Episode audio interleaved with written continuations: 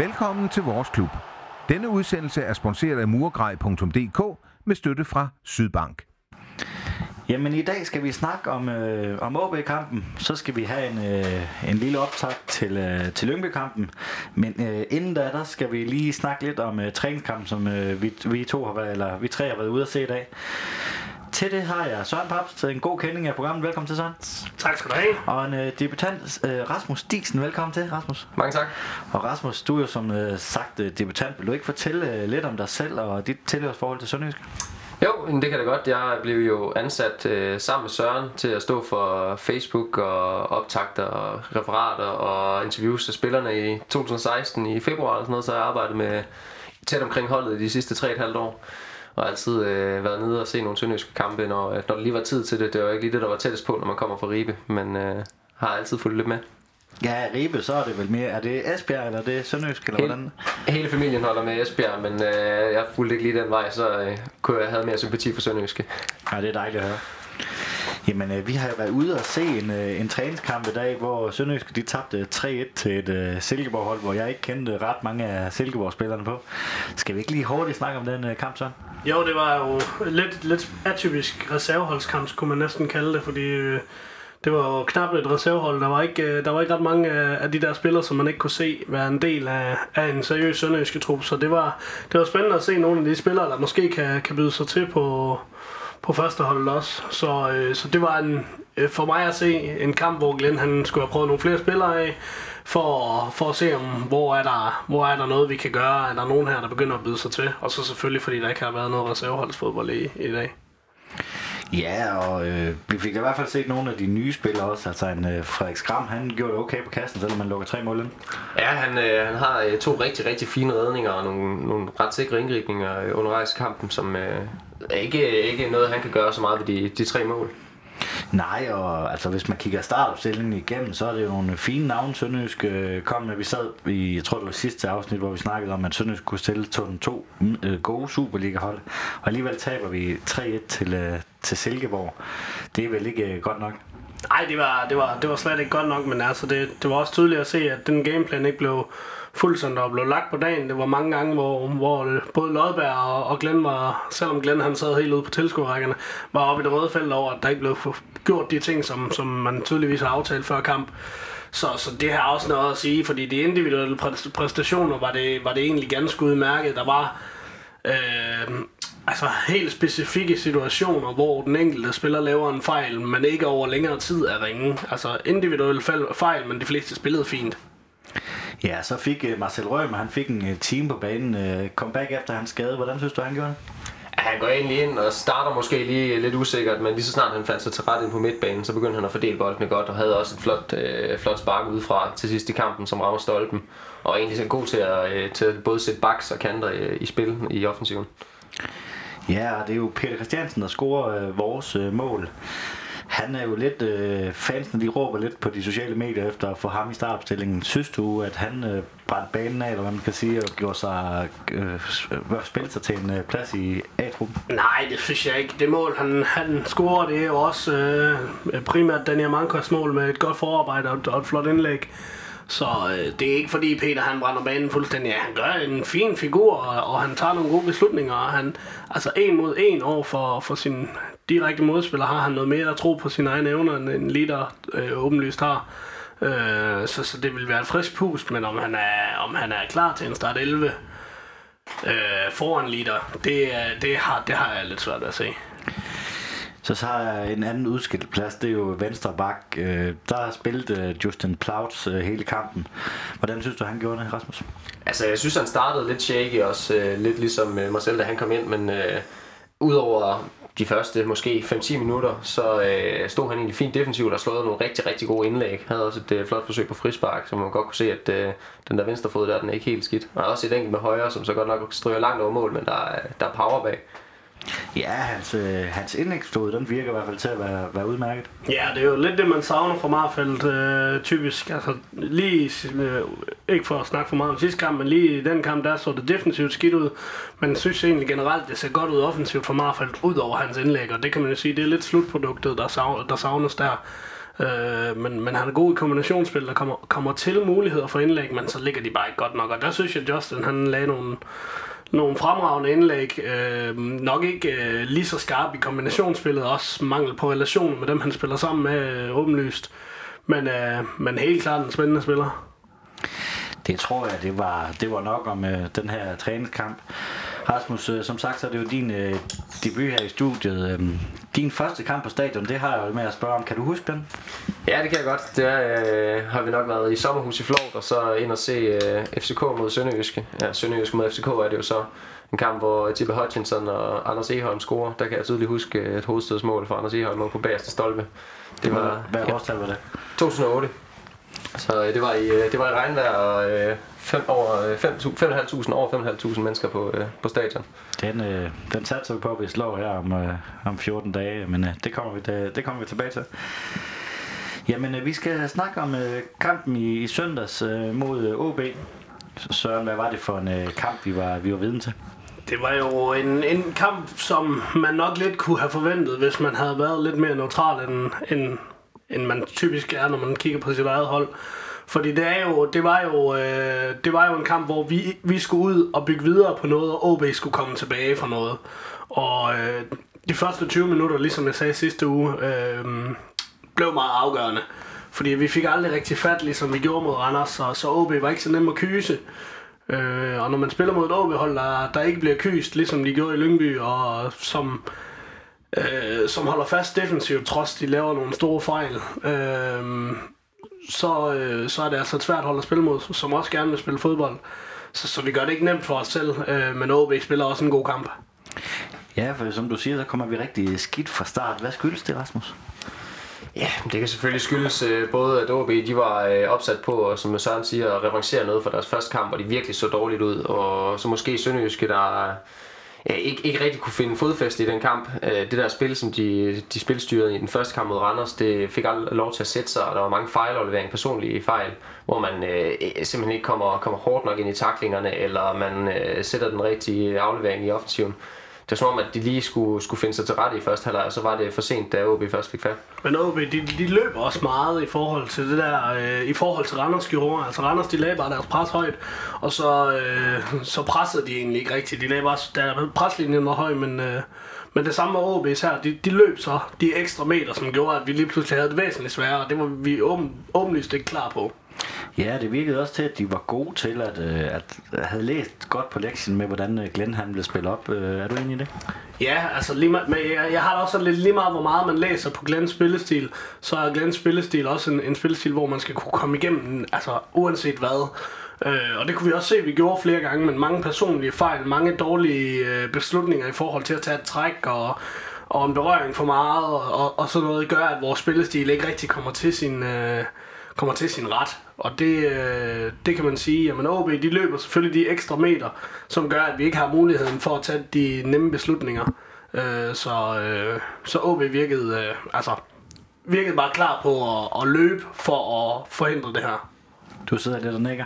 Ja, de, øh, de, de pressede højt på målspark eksempelvis. Vi så det lidt i den træningskamp, der også var i dag. De gerne ville sætte den hurtigt i gang nede i forsvaret, og hver gang de gjorde det i Sønderjyske, også mod, øh, mod OB, så blev de ofte presset til den lange bold, og der var mange lange bolde, som ligesom den her forløsende bold, og det, det gik lidt for stærkt nogle gange, hvor man godt kunne håbe på, at de ville spille sig ud af det og, øh, og skabe nogle overtalssituationer i nogle kontraangreb. Ja, for hvorfor er det, det var så svært? For jeg synes, at begge hold de havde, de havde svært ved at ramme, øh, ramme en aflevering over 10 meter i de første 20 minutter. Det var ikke, det var ikke kun Sønderjyske, men også OB. Jamen, det er, jeg tror, det er fordi, i hvert fald for, øh, for vores vedkommende, så er det netop det her med, at OB hver gang de pressede de her, øh, det her lave spil, vi her, har, hvor vi opbygger nedefra. Hver gang de pressede det, så gjorde de det alle mand, altså det vil sige de seks forreste. De pressede alle mand op og fulgte deres opgave. OB så også klart trættest ud i, i slutningen af første halvleg, fordi de havde løbet flere meter, men vores midtbane var nærmest lukket ned. Så når den er lukket ned, så er det altså svært at, at spille korte bolde. Skulle han måske have prøvet med, med lidt mere øh, ja, nørgaard fodbold, kan man kalde det, med måske en øh, lang bold op på liter, eller er det konsekvent, som, øh, som Glenn prøver at spille? Altså, jeg synes, det er i hvert fald øh, vigtigt at holde fast i den spillestil, som Glenn han gerne vil spille. Fordi hvis man bare begynder at slå de lange bold op, eksempelvis mod et hold som OB, hvor Short Sokora, han vinder over også mange af de der hovedstødstueller mod Matt og han er meget alene deroppe, hvis ikke øh, Greco og Rilvan får skubbet med op i på det lange bolde så bliver det lidt noget løst og lidt for meget det, man måske har set førhen. Hvorimod, hvis de spiller den op og kan flytte den forbi en enkelt eller to spillere, så skaber de nogle situationer, som de kan i hvert fald få meget mere ud af end de lange bolde. Øh, som, som jeg nævnte før, så kommer vi jo ikke ret godt ind i, ind i kampen, og de første 20 minutter, der får vi nærmest ikke uh, sat tre afleveringer sammen. Et, et helt andet kampbillede, end det var mod Randers. Så er det uh, OB's fortjeneste, eller er det også lidt mentalt i Sønderjyske, når de kommer så dårligt i gang? I store dele er det OB's fortjeneste, men, men vi må også sige, at vi er for langsomme på bolden i, i kampen mod OB. Øh, det var nemt for os i Randers, øh, i forhold til det var i, i Aalborg. Og det var vi jo umiddelbart ikke gearet til, eller havde ikke, altså havde ikke troen på egne evner. Det er også meget det, der gør det her, vi snakker om. Man skal have noget mod. Øh, og vi var ikke modige nok til at ture og spille i de situationer, hvor vi er under pres. Ligesom man kan sige, under Randers var vi ikke under det samme tunge pres. Så, så det er også, det, det er måske, jeg ved ikke om, om de har snakket om det inden, at, at OB ville presse højere. Jeg havde faktisk ikke forventet, at OB de ville presse os så meget højere, end Randers gjorde. Øh, og så meget mere aggressivt. Men, men det, det virker heller ikke til, at man helt har været klar på den opgave øh, hjemmefra. Rasmus, sidder du med, med følelsen af, at det her det kan altså godt gå virkelig galt, for det er jo et par situationer inden for de første 20 minutter, hvor jamen, øh, det er øh, til uh, Randers' mål i, i første kamp, der har de en 2-3-4 situationer, hvor, hvor det ligner uh, meget det samme med, at de spiller ind mellem vores midtstopper og, faktisk kommer forholdsvis fri. Mille træder altså en gang uh, lige uh, i sidste sekund. Ja, ja, Militan han er bestemt øh, redningsmand et par gange også. Jeg synes, at det virker lidt som om, at Patrick Bangor, han, er, han var usikker i opspillet. Han havde et par fejlafleveringer, ligesom Sjovs Okora havde. Og det er lidt som om, at de bliver, de bliver stresset af det høje pres, i hvert fald øh, som OB kom i første halvleg. Som Søren også siger, så, øh, så hjalp det lidt, at de blev hurtigt trætte, som om at de ikke rigtig havde øh, fysikken til at holde det pres, ikke engang gennem første halvleg. Øhm, vi kommer også frem til et par chancer. Øh, hvad er det, hvad er det der spil, øh, spillerne gør godt i en situation? Der er for eksempel en situation, hvor Hassan han laver en, øh, et fremragende indlæg. Jamen der er det jo, og, og, de, og de begynder faktisk at komme lidt i takt med, at OB presser mindre, men når vi får noget plads inde på midtbanen, i, i Randerskampen kunne vi selv skabe det lidt mere end i OB-kampen, men når, når vi får pladsen inde på midtbanen, selvskabt eller, eller ej, så kan der ske nogle ting. Også fordi, at vores backs er gode til at komme i løbespil og trækker nogle af de andre spillere lidt væk og giver lidt ekstra plads. Øh, I den her situation med Hassan for eksempel, der er det jo en kontra, men hvor, hvor man alligevel i stedet for bare at få den ud på en bak, som sparker den dybt på en, på en kantspiller, så får man ind og, og, og vende centralt, som også gør, at banen den bliver lidt bredere for, for alle parter, så, så de ikke bare kan stå kompakt derinde og, og pakke en, øh, pakke en Absalonsen fuldstændig ind, fordi at han ikke, øh, eller at han er ude af spillet, fordi at det betyder, at deres øh, bak stadig skal forholde sig til, at bolden kan komme i begge sider. Øhm, så, så det er helt klart en, øh, en, en, den måde, vi skal gøre det på, det er at få den ind centralt først, og så arbejde derfra. Ja, for vi overlever de første 20 minutter, og derefter der er vi meget godt med i halvlejen, vi ikke? Jo, bestemt. Og det er også, jeg ved ikke, om det er fordi, det kun er runde to, og øh, taktikken ikke er helt på plads, men der var også altså, helt vildt meget plads mellem kæderne i hos OB, som stod langt fra hinanden, og det var som om, der ikke rigtig var aftaler med, hvordan de skulle løbe tilbage. Nogle gange så tog de individuelle nogle, øh, nogle løb tilbage, men generelt så var der enormt meget plads mellem kæderne lige pludselig. Som om, at de var blevet trætte hurtigt. Og der, øh, der kan Rokas lige pludselig få lov til at rent faktisk at vende og lægge nogle bolde ud og fordele en lille smule af spillet offensivt. Hvorimod de første 20 minutter, der, øh, der kommer slet ikke i spil. Hvordan synes I, at, øh, at udtrykket var i kampen? Altså, Glenn han snakker jo meget om det her med, at man skal, øh, man skal ændre, ændre sit mindset fra, at man, man skal op og tørre at spille fodbold med Aalborg i Aalborg. Jo, men det, øh, det, det turde vi jo også til dels. Øhm, så, så altså, man kan godt se det her med, at vi har ændret vores spille, spillestil og vores øh, spil, spil, øh, forståelse af eget spil, af forståelse af egen, egen størrelse at vi, vi forsøger at gå op til Aalborg og spille. Altså, Portland Park er et svært sted at spille for os. Sådan, altså, det, det kan enten blive en, en rigtig afklapsning, eller vi kan vinde. Ikke? Øh, så, så nok, nok primært det første, vi har været vidne til øh, i de sidste par gange, hvor, hvor OB har været stærke mod os på, på hjemmebane. Så det er, en, det er et svært sted at spille, øh, og der tør man alligevel at gå op og forsøge at tage stakstokken. Øh, lykkes ikke så godt med det, som man nok gerne har, har ville men man er alligevel fuldstændig med i hele kampen. Det er ikke noget, der er ikke rigtig noget tidspunkt, hvor man sådan tænker, jo, måske de første 5-10 minutter efter OB havde scoret, tænkte man, hold op, det, det kan jeg næsten ikke lade sig gøre det her. Øhm, men ellers så, øh, så følte man hele tiden, at det var to meget ligeværdige hold, og hvis vi ser bare ja, et år tilbage, kan vi jo så sige, så havde man ikke set OB som værende et ligeværdigt hold med os. Så havde de været bedre end os. Nej, og så var man heller ikke kommet med den samme spillestil. Altså, nu, nu har du jo været i, i Sønderjyske et par år og set udviklingen fra, fra Nørregård til Glenn. Og det er vel her, man kan se den, den største forskel, det er, at man, man tør at være boldbesiddende selv på Aalborg Portland Park, mener jeg, det hedder. Ja, det er præcis. Ja, og det er det bestemt, det var da også øh, rart at se opstillingen, da den kom ud, at det var Rojas i stedet for eksempelvis sådan en som Eggert, at man ikke går, går på kompromis med det her, man gerne vil. Man vil gerne spille den rundt, man vil gerne være boldbesiddende, så man vil gerne øh, dominere dem også nede på deres egen banehalvdel, eller på modstanderens banehalvdel. Og det er jo ligesom det udtryk, han kommer med, når han kommer med en spiller som Rojas, som ikke øh, råber lige så mange bolde, som eksempelvis Nægert gør. Nej, og jeg synes, der er en situation med, med Rokas, der, der fik mig lidt at smile. Der går, jeg mener, det er 25 minutter, der er han nede i en glidende takling. Det er også et øh, udtryk for, at Glenn han gerne vil have, at øh, spillerne de skal kæmpe begge veje. Jo, jo, og hvis, og, og hvis du skal være spiller i Glenn Ridder, sådan en spillestil, så skal du være tovejsspiller, om du er om du er Kiwi Messi, eller om du er Matt Leder, eller om du er Jeppe Simonsen, så er det sådan set fuldstændig øh, ligegyldigt. Hvis ikke du arbejder begge veje, så spiller du ikke under Glenn, og det synes jeg er fornuftigt nok, og det virker til, at han er rimelig konsekvent om det. Rilvan, han arbejder også stenhårdt, og det samme gør Absalonsen, hvilket jeg tror er grunden til, at Absalonsen starter inden frem for en Daniel Manko, at Absalonsen er bedre til at arbejde begge veje. Øhm, så, så det er jo, som du siger, det er lidt sjovt at se en, en spiller, som måske har været vant til at være pakket ind i, i bobleplads alle de andre steder, han har spillet, øh, pludselig skal begynde at, at tage noget defensivt ansvar også. Ja, Rokas, vi, vi sad og snakkede lidt om det ude, øh, ude på atletikstadion i dag. Han har jo et, øh, han har udløb her til, til sommer, eller jo, til sommer. Ja, det må være til vinter. Vinter, undskyld, vinter. Øh, er det en, forlæ- en spiller, man sådan burde forlænge med måske allerede nu? Altså det er i hvert fald en spiller, man godt kunne forestille sig, at Glenn han godt kunne tænke sig at holde på, fordi at det er netop en, en, en mand, der vil passe godt ind i det system, som Glenn han har. Og han har nogle af de færdigheder. Vi har måske ikke fået det set fuldstændig foldet ud endnu. Øh, startede hans øh, debut op i Vejle, hvor Glenn han kaldte det en hvad, 4 ud af 10. Og vi har ikke set 10 ud af 10 endnu for Aarhus som sådan. Øh, I hvert fald slet ikke over flere kampe.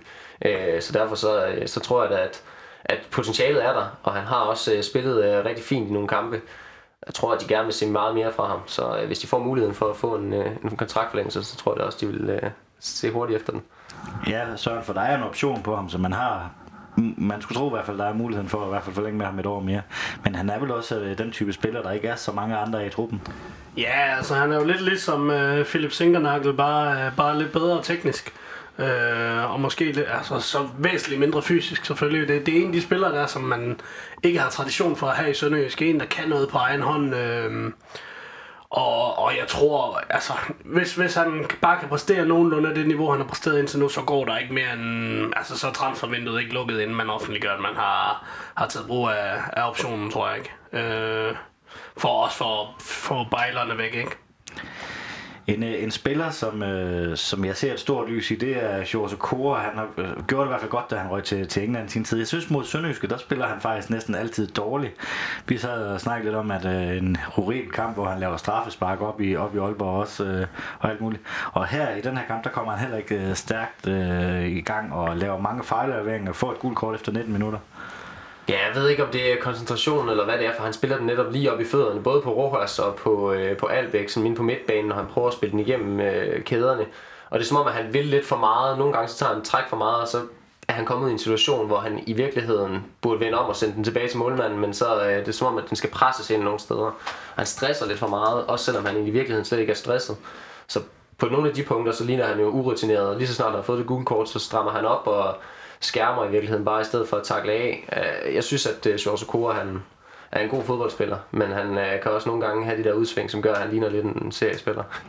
For man pressede ham nok efter, efter det her gule kort, altså det plejer mig lige at være exceptionelt god til at gå ind og, ind og presse sådan en spiller, så og der skal jo ikke meget til, når man er i den bagerste kæde, eller et lille frispark, og så er der gul kort. Ja, det, det, altså det er jo nok en, en appel til, til vores cheftræner at bruge det lidt, fordi alle knep gælder selvfølgelig i, i professionel fodbold, øh, indtil man får kort for det, ikke? Øh, så, så, så man skal da selvfølgelig forsøge at presse, øh, presse ham til at lave det andet gule kort i en, i en kamp, hvor man godt kan se, at han er den, der er svær at løbe fra. Der er ingen tvivl om, at det er ham, vi ville kunne, øh, vi ville kunne lave noget på, sådan rent personligt, individuelt. Men øh, hvis man skulle have, have farten lidt ud af OB's forsvar, så var det jo nok ham, man skulle forsøge at se, om man ikke kunne få, få pillet væk, ikke? Og så en mand i overtal, der, øh, der skulle vi også gerne kunne, kunne gøre det ekstra godt. Så jo, det er synd, at vi ikke forsøger at presse ham noget mere. Øh, komme med nogle flere løb omkring ham, som han skal forholde sig til, så han måske tager en forhastet beslutning øh, i, i en kontrasituation eller et eller andet. Øh, vi har snakket lidt om det, men, men de situationer, OB de kommer til de første 10 minutter, kvarter, 20 minutter måske, det er meget øh, at spille ind mellem to midtstopper, hvor de så får en, øh, en friløber eller en halv friløber. Hvad, øh, hvad skal der til for, at man kan dæmpe sådan noget op? Er det øh, noget afstemning, der mangler mellem, øh, mellem Bangor og Gardenman? Altså, der er helt sikkert et samspil der, som skal bygges op over flere kampe, fordi Bangor han lignede ikke en spiller, der var kommet hjem med, med ekstra rutine fra, fra udlandet, men jeg synes også, at det var tydeligt, at når OB de spiller, øh, spiller flot sammen som hold, så, så kan de godt lidt, men det er først når enten Kasper Kusk eller Lukas Andersen får bolden for fødderne, at der virkelig sker noget, fordi Kasper Kusk kan ligge en god aflevering i dybden, øh, hvor de får en stor chance, og Lukas Andersen han gjorde det et par gange, hvor han ligesom får spillet ind imellem forspillerne. Det er dem, der ser de der små huller. Øhm, så jeg er sikker på, at de også blev, øh, blev straffet af nogle rigtig, rigtig dygtige spillere. Samtidig så kan man også godt sige, at de kan stramme væsentligt meget mere op, hvis det er, at man kigger fremad på sæsonen, fordi så går det ikke, at man har de her to-tre udfald, hvor man ikke lige får snakket sammen, eller skubbet op, eller positioneret sig rigtigt i defensiven. Nej, for hvis vi skal tage to, øh, to af vores dårligste, så tror jeg, det var vores backs. Øh, de var så også over for to af de øh, absolut bedste OB-spillere i, i Kusker og Andersen. Hvordan synes du, den, øh, de dueller, de var? Jamen, øh, det, jeg synes faktisk ikke, det er særlig ofte, at øh, især bare er over for Lukas Andersen. Jeg synes, han bøvler mere med deres backs. Jeg synes, OB's backs kom rigtig højt op. Og, øh, og både Kusk og Lukas Andersen trækker jo ind, så snart de får muligheden. Og så kommer der en bak, som, øh, som vores bak skal forholde sig til, at det, det lykkes ikke skide godt. Altså, Pallesen, han havde rimelig god kontrol øh, offensivt og defensivt over Marfeldt. Øhm, og det samme havde Patrick Christensen over på den anden side. Han, han lavede nærmest kispus med, med Bar, og Bar han jamen, altså, fejlbedømte de høje bolde og, og busede, når han ikke skulle buse. Og, øh, øh, det, det var et rigtig skidt defensivt udtryk fra, fra begge sider. Er du enig? Ja, fuldstændig. Især øh, Patrick Christensen i starten, synes jeg, at øh, han var meget dominerende over mod, øh, mod Bar. Øh, det var måske de første 5 minutter, hvor Alexander han får taklet godt igennem, men ellers så havde han store problemer. Og da først de fandt ud af, at Marfeldt han, øh, han måske ikke havde den bedste kamp i Sønderjyske trøjen øh, langt fra, så, øh, så kom Christoffer Pallesen og også Kasper Kusk meget til at ligge over i højre siden og presse ham. Og det kunne han simpelthen ikke stå for. Nej, og, og, og bare, altså vi, vi elsker ham jo her i studiet, men, men det her, det var nok øh, var i hvert fald den dårligste kamp, han har haft øh, på den øh, bakposition. Det er jo også ham, der, ham, der slipper øh, øh fandt værd, da, da han måske burde have scoret.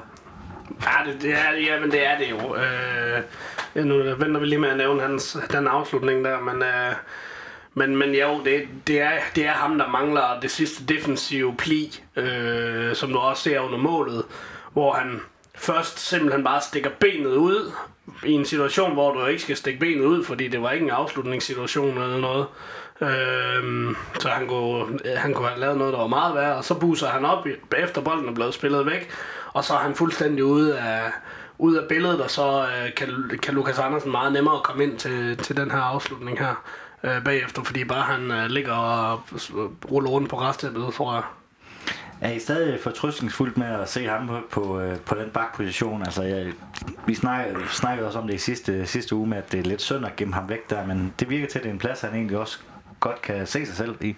Ja, men jeg kan også godt lide hans altså, øh, attitude de første 5-10 minutter. Det er jo den her uh, unge spiller, der bare knokler benhårdt, og returløbet det er, uh, det er så tungt, at uh, han kan løbe nogen op eller alle op. Øh, og i offensiven har han jo kvaliteter, som vi har set, da han har spillet øh, længere frem på banen.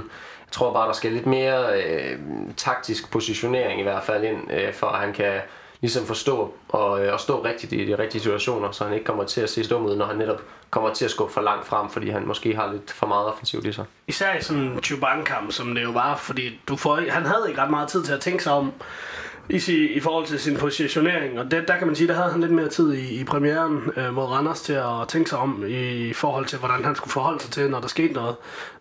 OB, de kørte bare på, så snart de kunne, så der er ikke den der samme mulighed for at, for at positionere sig på ny hele tiden. Så det, det skal man selvfølgelig øh, lære at kunne positionere sig under pres også. Vi kommer så ud øh, med et helt andet udtryk til, til anden halvleg. Øh, hvad, øh, hvorfor er det, at kampen ændrer så meget karakter, som den gør i hvert fald i starten af anden halvleg? Altså i hvert fald fordi vi får, øh, får spillet mere ind over midten og får ligesom øh, fordelt spillet derindefra. Øh, og så samtidig så øh, igen tilbage til det her med, at OB virkelig, virkelig, virkelig stod dårligt defensivt. Øh, der var alt for meget plads, og de spredte ud over hele banen, hvilket gjorde, at vi kunne brede den, øh, brede den dybt, og vi skaber nogle gode kontramuligheder, blandt andet øh, nævner med Rilvan Hassens indlæg. Der går det jo lynhurtigt med at vende den ind på Rojas, og som så øh, smitter den ud af øh, til, til Rilvan Hassan. Så der synes jeg, at øh, de får, får åbnet op for, øh, for et OB-hold, som i forvejen var fuldstændig åbne. De får udnyttet de muligheder, der var. Er du enig? Ja, øh, som, som udgangspunkt, men øh, jeg, tænker, jeg tænker også, at vi skal blive ved med at, at forsøge de her, de her ting, for at vi bliver bedre til dem. Så, så det, det er selvfølgelig den måde, vi skal låse det hele op på. Ja, så er det jo igen altså modigt, at, at Glenn han tør og, og er så ja, 100%, går 100% ind med den her spillestil, og, og at han gør det op på Aalborg og uh, Portland Park. Ja, det er fremragende, og det, det skal han bare blive ved med. Uh, der er ingen tvivl om, at det er også, hvis du spørger mig, den rigtige måde, uh, den rigtige måde for os at komme til det næste niveau. Så det skal vi selvfølgelig blive ved med. Forventer ikke, at vi er i, i top 6 eller noget, men jeg forventer selvfølgelig, at vores spillestil uh, udvikles til det bedre. Uh, og altså åbenlyst bedre. Og så, så lad os uh, sige, at det, det er mine forventninger, og så med de forventninger, så kommer der jo selvfølgelig også en højere placering, men, men den, det, det, det snakker vi ikke om endnu. Jeppe Simonsen, han erstatter jo Marfeldt efter 55 minutter. Et, uh, hvis vi skal prøve at nævne lidt om uh, Marfelds præstation. Ja, øh, Marfeldt han spiller bestemt ikke nogen stor kamp. Altså, øh, defensivt har han store problemer, når de kommer, især når de skaber øh, overtal over i hans side OB. Og der, øh, der var det tydeligt, at han både manglede hjælp, men også generelt måske manglede noget med positioneringen. Fordi at når han først kommer frem i det, det løb, som han skal offensivt, og rent faktisk kommer til det, men ikke kommer til noget indlæg, så er det tit, at han kommer til at mangle lidt bagved, og så er returløbet ikke øh, på plads, og så er der måske øh, mangel over i venstresiden. Hvorimod at offensivt, så kommer han frem til en øh, afslutning, som jeg husker det hvor, i første halvleg, hvor han skal spille den på tværs, hvor både Rilvan Hassan og Greco og Lider, de står klar til at sparke den ind der mangler ligesom, som Søren også siger, noget slutprodukt. Begge ender af virkeligheden. Ja, så synes jeg også, han mangler noget, altså at knalde igennem i de der, der er i, altså i taklingerne. Der er på et tidspunkt, hvor det bliver sådan noget fummelbold, hvor han går lidt op og, og sådan går 80% ind i taklingen, og så får OB-spilleren den alligevel med. Det er, jo, det er jo heller ikke så meget sønderjysk, det er altså smæk nu igennem. Og... Ja, det, det, er lidt, det er lidt, øh, det er lidt Helsingør-drengsagtigt, øh, ikke? Altså, øh, det, det, er, det er lidt, lidt fordi, at han, ikke, han er nok ikke helt den der skole, hvor man, hvor man skralder igennem, og kommer også fra, fra hvor jeg, nu ret mig hvis jeg tager fejl, men kommer fra Helsingør, hvor han, øh, hvor han var en lidt mere øh, offensiv øh, spiller, og ikke var lige så meget øh, fokus på hans bakpræstationer, fordi han, han var på det bedste hold i første division. Så det er klart, at bakken ikke bliver udsat for det samme defens, øh, eller defensive tryk jo. Øh, så, så det tror jeg også har noget at sige, at han ikke på den samme måde har skulle være en hård hund derover. At det er noget, der skal tillægges, men det er jo også en mentalitet, du har måske fået helt fra, fra barns ben af, og man måske ikke er på samme måde en, en, en person, et menneske, der tør at gå ind i den slags for fuld skrald og, og måske lidt mere bange for sig selv. Det er selvfølgelig en færre holdning at have, men det, det, det sætter også bare hans grænser for, hvor, hvor god han kan blive i, i Sønderjyske. Rasmus, er du tryg ved den her bakposition? Det er jo som regel den, øh, den folk, de øh, skiller ud på på de sociale medier, øh, specielt Marfeldt. Altså jeg må indrømme, øh, jeg ser heller ikke Jeppe Simonsen som den, den altså fuldgod erstatning. Nej, altså da han kommer ind, er det jo ikke fordi, han decideret gør det dårligt, men det er jo heller ikke fordi, han skinner igennem. Øh, vi så nogle gode indlæg i dag, eksempelvis i, øh, i træningskampen, og det er også en af de kvaliteter, han har, når han kommer frem øh, i, over stepperne på bakken. Men som du siger, det er ikke fordi, at man bare vil være tryg, hvis man erstatter Marfeldt med Jeppe Simonsen, og så har man Justin Plautz, som heller ikke har været med i, i truppen i Aalborg, som må simpelthen være øh, en eller anden grund til, at han ikke kan slå nogen af de to af. Så om jeg er helt tryg i situationen, det ved jeg ikke, om jeg vil være, men øh, det er måske også det er lidt øh, svært at vurdere efter to runder. Det kan være øh, et udfald, og det kan være, at man lige skal, skal finde sig til fod i Superligaen øh, endnu en gang i en ny sæson. Men øh, ikke, ikke helt tryg, det vil jeg ikke være.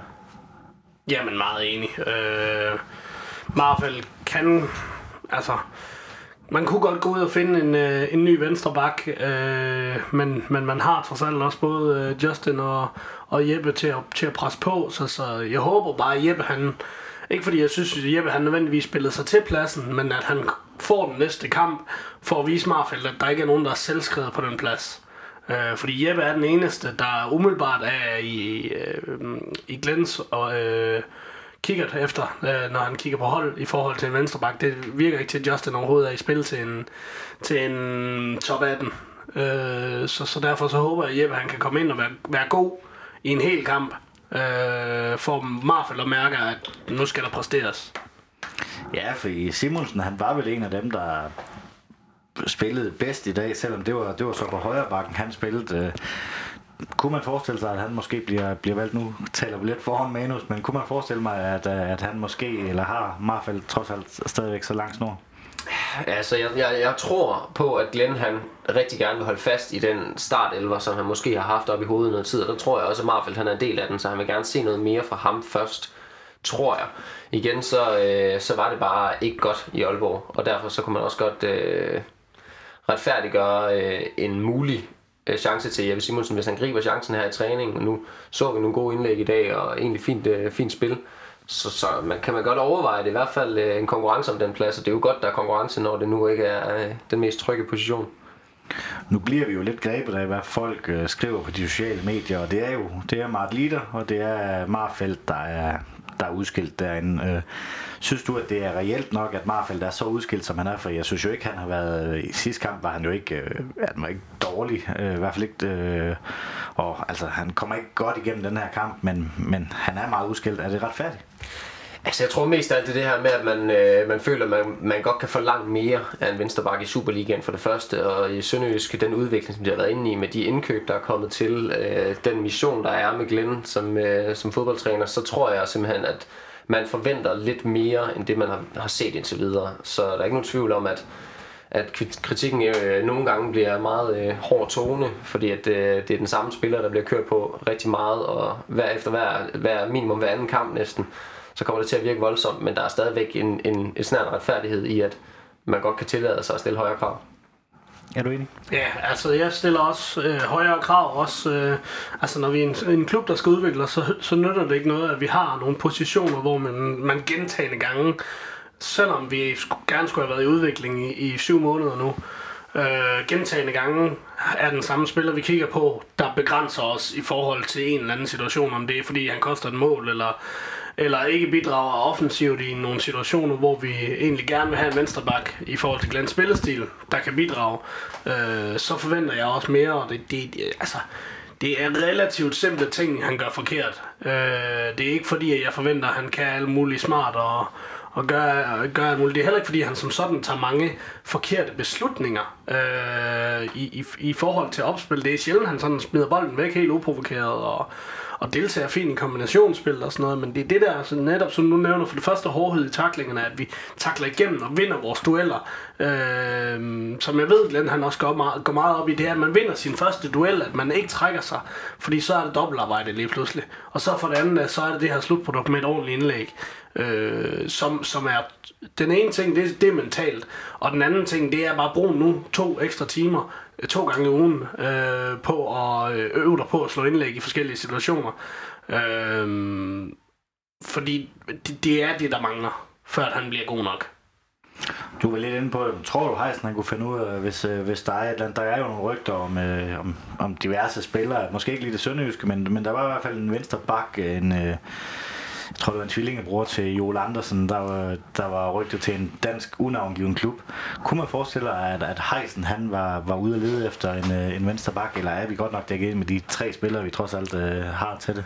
Jeg ved ikke, om, de sådan, om Heisen nødvendigvis er på udkig øh, som sådan ude og spejde efter en, øh, en ny venstreback, fordi det, det må alligevel være målet at finde en af de tre, når man i forvejen har tre til venstre bak, og i virkeligheden også en ekstra backup, hvis alt skulle gå med skader, hvis Schaub redder. Øhm, men det er ikke nogen tvivl om, at igen, som Heisen han har vist før, så er han ikke øh, manden, øh, der går af vejen for en god handel. Så hvis der opstår et eller andet med en spiller, som til den rette pris ligner en, der kan måske i hvert fald gå, øh, ikke, om ikke øh, gå ind i direkte ind i starten, så i hvert fald skabe noget konkurrence, som kan gøre, at man kan få noget mere kvalitet.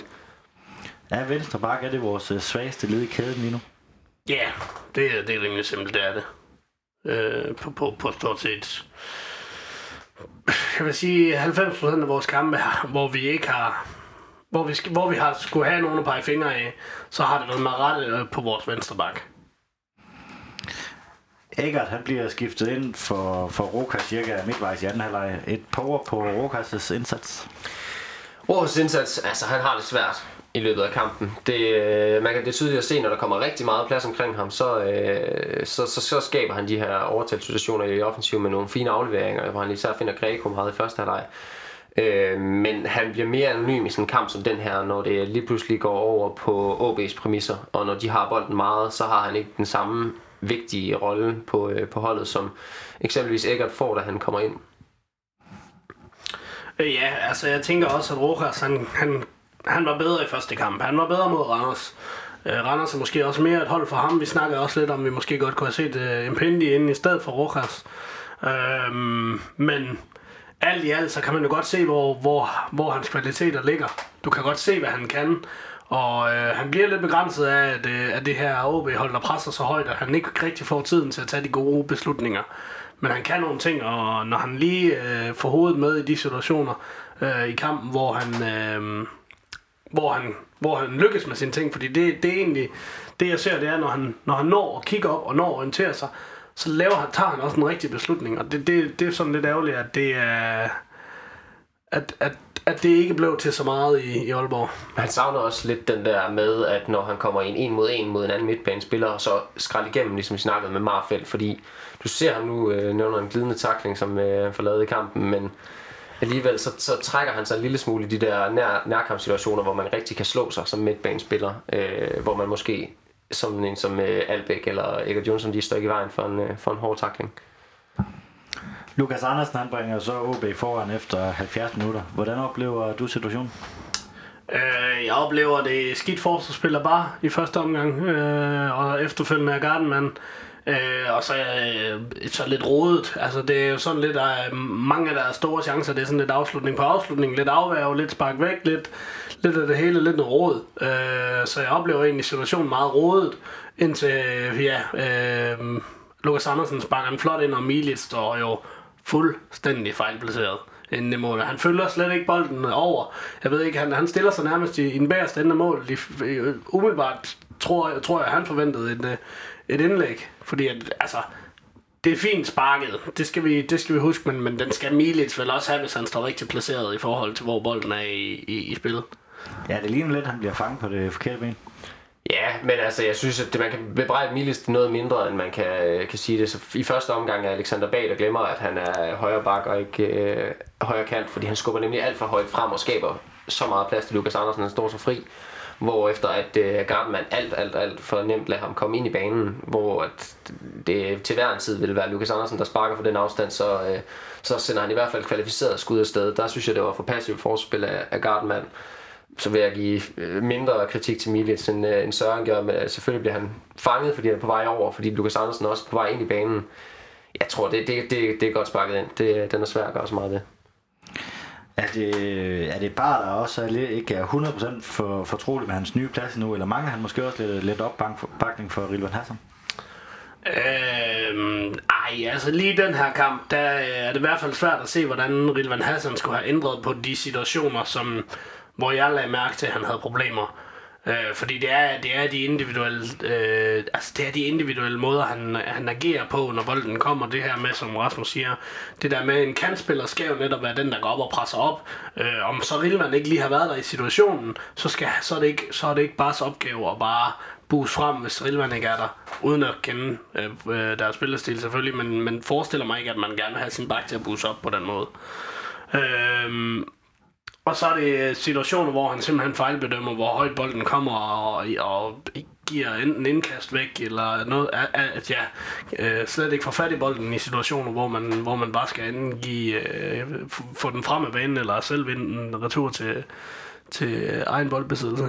Det, øh, så ja, altså, jeg ved ikke lige, om jeg kan, man kan give Rilvan noget skyld for, bare han ikke lige øh, havde hovedet helt med i, i søndags. Jeg vil sige, ved målet, der kan man i hvert fald ikke tage noget fra ham, øh, i forhold til, at det er bare Alexander, der kommer til at, øh, at slippe sin position fuldstændig. I, efter de har haft en afslutning, så skubber han ud, hvor der i virkeligheden er andre, der skal tage det ansvar. Det skal ikke være Alexander, der løber derop. Det kan man så snakke om, hvorvidt det er midtbanens skyld, at de øh, centrale midtbaner, de ikke får skubbet op, eller midterforsvaret, fordi det er aldrig øh, bag, der skal derud.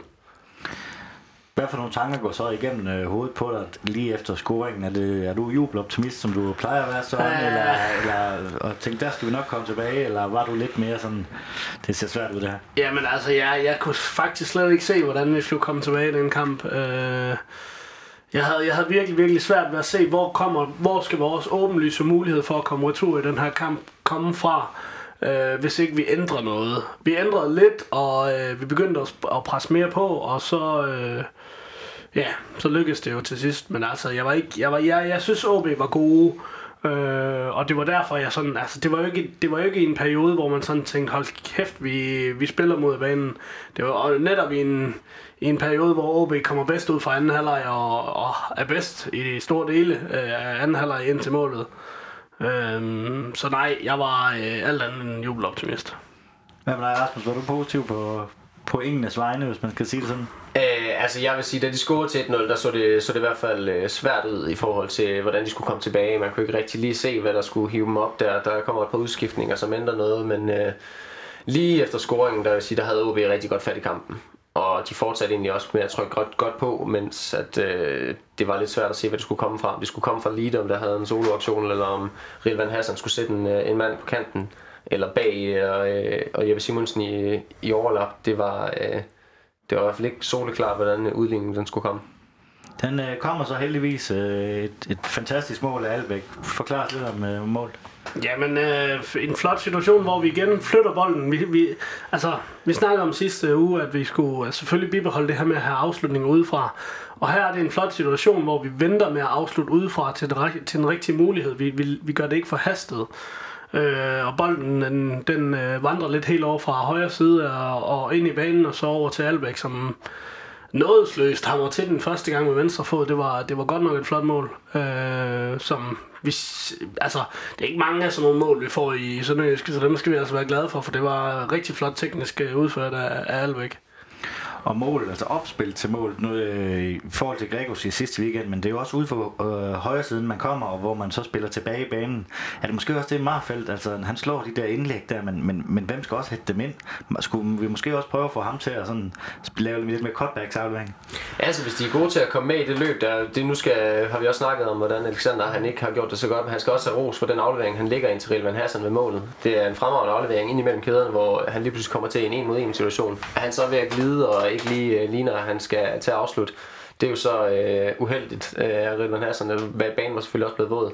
Men, men, øh, men det er et opspil, der kommer ud fra Alexander, og det er en fremragende aflevering ind til Hassan, som kan lægge ned til Albæk.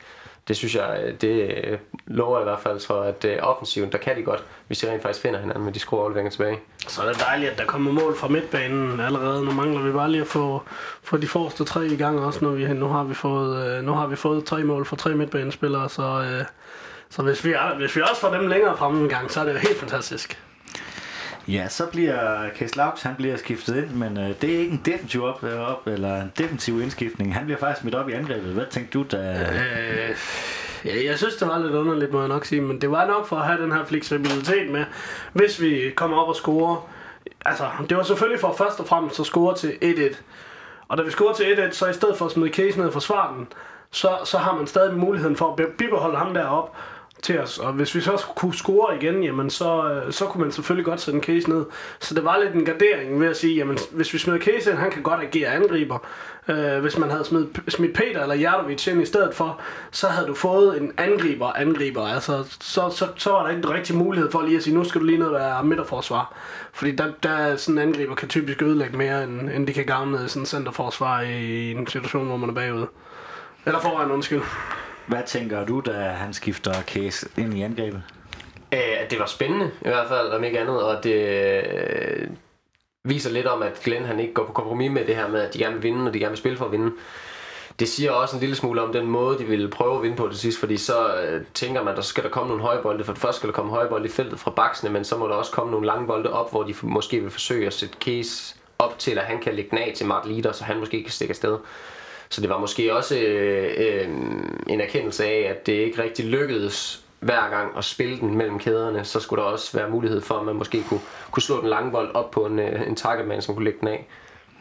Synes du, at han fik øh, vist sig nok frem i, øh, i de sidste 20 minutter, Kæs? Jeg synes ikke rigtigt, at øh, man, man, man formår at ramme ham på nogen må, på, øh, punkter. Nej, og det, det tror jeg heller ikke, det var meningen, at han... Det var heller ikke for at give Case chancen for at komme ind og vise sig frem, fordi det midterforsvar i angrebet, det er jo nok en Niels Lodberg idé, skulle jeg til at sige. Ikke? Altså det, det, det var sådan noget, han gjorde, øh, hvor man tænkte, ham her, ham kan vi godt bruge i angrebet. Det er ikke en, en spiller, vi forventer, der, øh, der gør noget på egen hånd, men, men han kan lige lave det, det heldige, uventede, et eller andet, lige for skallen på. Og det har vi jo set, Case han er god på, på hatten, ikke? Så, så derfor så er det jo en, altså, den, en, en fin tanke, men, men så fik vi ikke rigtig... Altså, der var ikke rigtig valuta for den indskiftning i forhold til, øh, hvad jeg tror, man, hvis man havde smidt en, en Peter ind, at man, så havde man fået lidt mere øh, individuel øh, arbejde, og der, der er det jo måske, at det kunne være en fordel, at man havde ham og Lider op foran i den situation, fordi at så kan Peter få bolden og lave det på egen hånd, og Lider han kan foretage de løb, som giver Peter noget plads. Men der må man også forestille sig, at Glenn har set et eller andet, hvor han tænkte, at Case ville passe godt ind, fordi også selvom det ikke lykkedes, så smider jeg netop som du siger, så smider han jo ikke Case ind i stedet for Peter Christiansen udelukkende, fordi det er det, der er det mest offensive, fordi man ville jo tro, at en ung spiller vil gå på mod og hurtige driblinger og fart i stængerne sent i kampen, hvor det lignede, at OB-spillerne havde været trætte i noget tid, at det måske kunne have givet noget andet dynamik op foran. Men øh, ja, det kan også godt være, at han vil dæmme op for nogle høje bolde. Nu når vi er omkring øh, Case, så synes jeg lige, vi skal nævne den artikel, der har været med ham, hvor han har været ude og, og brokser højlydt til uh, Jyske Vestkysten om, at uh, han var sat af og begyndte allerede at snakke om, om han skulle skifte klub og sådan noget. Hvad tænker du om uh, sådan en artikel? Det var øh, ærgerlig læsning. Det var rigtig ærgerlig læsning. Så ligesom efter kampen, så, så havde jeg sådan lidt, efter Randers kampen havde jeg sådan lidt, ej, jeg synes, at det er også ærgerligt, at Case han ikke spiller. Øh, jeg synes, det var synd, fordi jeg synes, han var en klubmand, og, og, og, og noget af den øh, ærgelse gik lidt af mig, da jeg så den artikel, fordi det synes jeg ikke er, giver mening i... Øh, altså, øh, det, det lyder for mig, som om der er noget, der er fundet på. Sådan virker Case som person slet ikke over for, over for mig, at, øh, at han, han vil gå ud og sige den slags. Så øh, ja, jeg, jeg synes, det var meget ærgerlig læsning, og virkede, altså, det virkede som mavesurt øh, i, i, i forhold til at gå ud og sige det efter en kamp. Øh, som om han ikke rigtig har haft en dialog med Glenn om, hvorfor er det, vi gør sådan, som vi gør. Øh, så det synes jeg var, det er en lidt ærgerlig udmelding. Rasmus, du er jo gået lidt, uh, lidt tæt på, på truppen i, med, at du har været skribent for Sønderjyske. Hvad, hvad tænker du om uh, den udmelding efter, efter en kamp? Altså, det, det, men, det, som Søren også siger, det ligner slet et case at skulle sige sådan noget, så jeg vil gerne vide, hvad der helt præcis er blevet sagt og uh, sket, og hvad der er internt, for der er jo helt sikkert også en masse ting, man ikke får at vide, hvad det er, Glenn og Case har snakket om. Uh, men altså, hvis det er, at han har været decideret ude at sige, at det, det her det er et problem, og, sådan, uh, og det er sådan, han mener det, sådan som artiklen giver udtryk for, så er det, så er det noget, altså det er meget hurtigt at komme med en reaktion. Det er bare på med arbejdshandskerne og kæmpe for den plads, man gerne vil have på holdet. Øh, især her i starten af sæsonen, hvor alt kan ske, og hvor man lige skal finde sig til rette på de forskellige positioner. Det, øh, det hjælper ikke noget at gå ud og komme med sin udmelding, fordi det hjælper ham ikke foran i køen at gå ud og brokke sig offentligt. Nej, for jeg må indrømme, at øh, jeg havde også på samme måde, jeg synes også, det er synd, for jeg elsker personen, men jeg mister sgu lidt for ham, når han går ud efter en kamp, og, og, og med sådan en svater til, øh, til truppen, eller at han ikke spiller. Ja, ja, præcis. Og det er jo netop det, når man, når man kender Case personligt fra, øh, fra, fra generelt træning og tiden omkring kampene. Sådan, så det er jo ikke den person, han er. Det er ikke den person, man kender, så det vil være... Altså, det er overraskende, at det netop er Case, der går ud og, og siger sådan noget. Hvad tror I, der, der sker i det her? Kunne man forestille sig, at han måske endda øh, skulle, øh, skulle væk? Altså, truppen er vel øh, heller ikke givet til, at der er uro på de andre linjer? Øh, jeg håber det ikke. Jeg håber ikke, han skal væk. Jeg håber, jeg håber at han har en rolle stadig. Øh, og som minimum, der er tredje valg på den uh, centrale forsvarsplads. Øhm, så det håber jeg ikke, fordi altså, jeg ser ikke øh, de alternativer, vi har som fuldgode erstatninger, hvis øh, enten Bangor eller, eller Garde skal have en pause. Øhm, så, så nej, jeg håber da, han bliver. Jeg håber da, at de kan få forklaret ham, at han stadig har en vigtig rolle. Om ikke andet, så har han da også en vigtig rolle i omklædningsrummet, fordi at vi har Xiao der er fedt, og vi har øh, øh, ja, nu, Olofsson, der kommer ind, som er en ubekendt faktor. Ikke? Øh, og at hvis vi ikke har bedre... Altså, Xiao er ikke god nok til at være, til at være vores tredje bedste midterforsvar. Øh, og der er noget tid til Mark P. Han er tilbage, så, så jeg håber da, om ikke andet, at han, han kan jo bruges til, altså bruges i, hver, om det så er hver femte kamp, at han har brug for at spille, altså hvad end han har brug for, øh, og er god nok til, sådan at vi kan beholde ham. Men er det ikke farligt at have sådan en spiller i truppen, der går offentligt ud og ytrer sig? Jo, det er det der med at øh, skabe dårlig stemning, men der skal man også passe på, hvad der så bliver sagt øh, i medierne, eller i hvert fald øh, offentligt i forhold til, hvad der sker internt, fordi det er som sagt det, vi ikke ved noget om, det er den der ukendte øh, faktor i det her, fordi spørgsmålet er, hvor meget Glenn og, øh, og Case har snakket sammen om det her, og hvor meget han har gjort klart, at Patrick Bangor altså hentet ind til en startposition, og jeg tror, det er svært at slå Stefan Gardman, det, det tror jeg også selv, at Case han kan se. Så altså, jeg kan slet ikke forestille mig, at, øh, at Casey ikke har gået ind til det her med, at han ville kæmpe om det, og så har han måske været lidt for, øh, for selvsikker på egne evner i forhold til, at han troede måske, at han skulle både spille første og anden runde her, hvor det så er gået helt den anden vej. Vi, øh, vi lukker den med, med Case der, så håber vi, at, øh, at de har fået snakket om det, både øh, ham og Glenn, og så må vi se, hvad, øh, hvad der sker. Det bliver lidt, uh, lidt hektisk til sidst. Der var jo sådan en, uh, ja, hvad skal vi sige, sådan en halv chance til Van Vert i, i overtiden. Det er virkelig lidt unødvendigt, at han kommer til sådan en stor chance. Uh, ja, hvad er det, minut ind i overtiden? Ja, det, det virker, øh, ja, hvad, hvad, hvad det ord, jeg leder efter, det er, det er ukoncentreret af vores forsvar, at vi ikke er, er, er klar på den, fordi den, altså indlægget ligger lige øh, som det skal. Det er der ingen tvivl om. Men den skal, altså, den skal afvises stadig ved forreste stolpe allerede. Men det er jo simpelthen fordi vores bagkæde ikke er, ikke er opmærksom på, at, at, at den bold kan komme, og den ligger bare godt mellem forsvar og målmanden. Øh, men der er måske en, en, en midtstopper, der lige skulle ofre sig for, at den ikke kommer hele vejen ind. Ja, eller det er faktisk bare, der, der er tættest på manden og ikke, ikke følger med. Ja, øh, han følger i hvert fald ikke med Van Der i første omgang, så skal de selvfølgelig heller ikke så nemt kunne spille sig igennem til et indlæg, som han får mulighed for at slå, fordi det er relativt upresset, at han kan slå en bold. Det er også derfor, at den ligger så godt, som den gør til Van Vert, hvor han så selvfølgelig også skal følge med ved bagerste stolpe. Det kan nogle gange være, øh, være nemt at sidde og sige, at man skal lige være lidt bedre i, i defensiven, men, øh, men man kunne godt tillade sig, at der rent faktisk var nogen, der havde fulgt med. At han så vælger at sparke ordentligt bolden, det er jo et mirakel.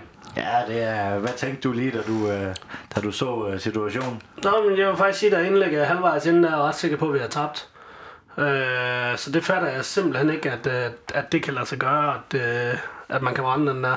Jeg tror, jeg har set uh, en afbrænder i mit liv, der er større, og det er Fernando Torres mod uh, United i en, i en ja, kamp, hvor der står 0-0 og dribler forbi målmanden, sparker forbi. Øh, elendigt. Men, men det der, det er nok den næste chance, jeg nogensinde har set live.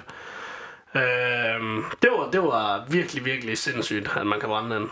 Ja, for der nok går mange, mange tanker igennem hovedet på det ene sekund, fra han rammer bolden. Der er jeg også overbevist om, at øh, det var game over. Ja, ja, det lignede, det lignede uh, klart kampens afgørelse, da bolden kommer ind over, og egentlig også, da han rammer ham, og så da den rammer overlæggeren, så er det som om, der bare går et sus igennem dem alle sammen, og Tom Van Vert, han stopper med at spille fodbold. Det kan man egentlig også godt forstå, han ikke troede, hvad det egentlig var, han selv havde, havde lavet. Ja, så vi kan da i hvert fald sige, at øh, det er ikke øh, Mart Litter, der har været den mest uskarpe hollander i, i det her opgør. Nej, det, det, det får han ikke skyld for. I hvert fald ikke, øh, når man kigger på, på muligheder for mål. Øh, sådan åbenlyst, så, øh, så må Van Vært alligevel tage præmien.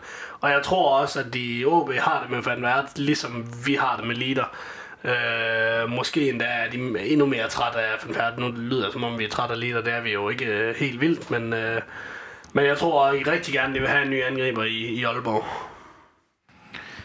Øh, JV, de bruger ordet indianerfodbold. Du brugte chubang-fodbold. Øh, hvis vi skal prøve at sætte sådan en stand på kampen, er, er du enig i, i det så? Ja, for det var meget de lange bolde, der, der øh, både kom fra, at nu skulle den bare saves ud af kommunen, fordi man var blevet lidt for stresset, og man måske havde lavet lidt for mange fejlafleveringer, så skulle den altså bare langt væk. Eksempelvis, som vi snakker om første halvleg Patrick Bangor og Jose Kore, de øh, spiller sig op i anden halvleg og laver lidt, lidt færre, men så var der bare nogle andre, der kommer til at stå i nogle situationer, hvor Alexander Bag eksempelvis også, og Niklas Marfeldt har det svært, så losser de den bare ud af kommunen, og så skaber det nogle gange nogle overtalssituationer, og nogle gange så kommer man selv i ubalance, fordi man ligesom bare smækker den op til i fødderne på en modspiller. Så øh, indianerfodbold eller chubang-fodbold, det er meget gode øh, ord at bruge om den her kamp her. Det er meget, øh, det er meget sigende, så, øh, så Rasmus han giver, han giver dig ret i chubang-fodbold. Ja, men altså, det var, det var lidt specielt, fordi det var, det var ikke kun de lange bolde, det var også, når der var afslutninger på. Altså, afslutningerne kom jo også i stimer, fordi at det, det blev aldrig afværet, og så... Øh, altså, den, hvad hedder han, Kaufmann op foran, han brænder, det er jo øh, fuldstændig sindssygt. øh, hvor mange afslutninger der er på ingen tid der, øh, hvor vi, altså, det, Øh, sorry, men de ligner boldmongoler nede i forsvaret, fordi de ikke overhovedet kan ramme den bold der. Og det kan deres angriber så heller ikke. Så det lignede sådan en masse CS6-spillere, der løb hovedet ind i hinanden, og så ikke kunne få afsluttet. Nu har vi snakket lidt om øh, Van Werts øh, kæmpe chance. Øh, skal vi være tilfredse med en, øh, med en uafgjort og et point øh, ubesejret efter to kampe? Ja, det synes jeg. Altså, øh, for det første set over, øh, over hele kampen, så kan man være godt tilfreds med at spille uafgjort. For det andet, så er det på udebane i Aalborg et svært sted at spille, normalvis mod et hold, som har nogle individuelle kvaliteter, øh, først og fremmest, øh, og egentlig også et, øh, et OK hold. Øh, så synes jeg godt, man kan være tilfreds, især når det kommer efter en sejr over Randers. Havde man derimod ikke slået Randers, så kunne det godt være, at man mere havde været lidt utilfredse, men to kampe og fire point mod OB og Randers, som er direkte modstandere i den her kamp om at snige sig med i top 6, eller i hvert fald blande sig i toppen af midten af tabellen, så synes jeg, at det er, det er positivt. Helt bestemt. Altså, der er ingen tvivl om, at, øh, at et point i Aalborg øh, kunne man godt have solgt den for inden. Øh, og set på kampen, så skal man være tilfreds og glad, og set i hvert fald efter Van Værts afslutning også være rigtig glad for, at man, man får noget med hjem, og øh, i en kamp, hvor man ikke får spillet til at flyde, som vi gerne vil, jamen så er det også bare klasse, at vi alligevel får et point med hjem fra, som Rasmus siger, en sindssygt svær øh, udbane op i, i Aalborg. Ja, så øh, det mentale i det, at øh, under Glenn, der startede vi med tre kampe, hvor den ene af dem også var i Aalborg, og taber 3-0. Nu får vi point med det op fra. Vi, øh, vi kommer bagud. Øh, Randers fik udlignet, men vi får alligevel øh, øh, vendt den og, og får point ud af, af begge opgør, og, og fire point. Det er ikke, øh, det er ikke skidt. Det øh, tager vi virkelig gerne med. Det havde jeg, havde jeg nok ikke troet, faktisk inden, inden vi gik i gang, at vi skulle, have, øh, vi skulle have så godt udbytte med fra de første to kampe, og der kommer to svære kampe mere nu her.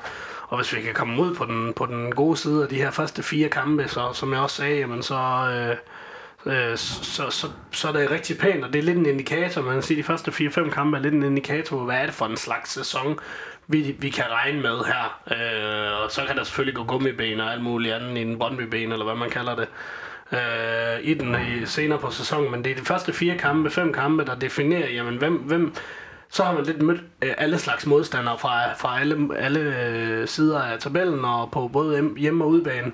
Øh, og derefter kan vi ligesom begynde at se, jamen, hvad, hvad er det, vi kan forvente her? Altså, går vi ud og vinder mod Lyngby og får et godt resultat med hjemme mod FCK også, jamen, så, så begynder vi at kunne se et mønster i, at vi, vi, er, vi er blevet et væsentligt bedre fodboldhold.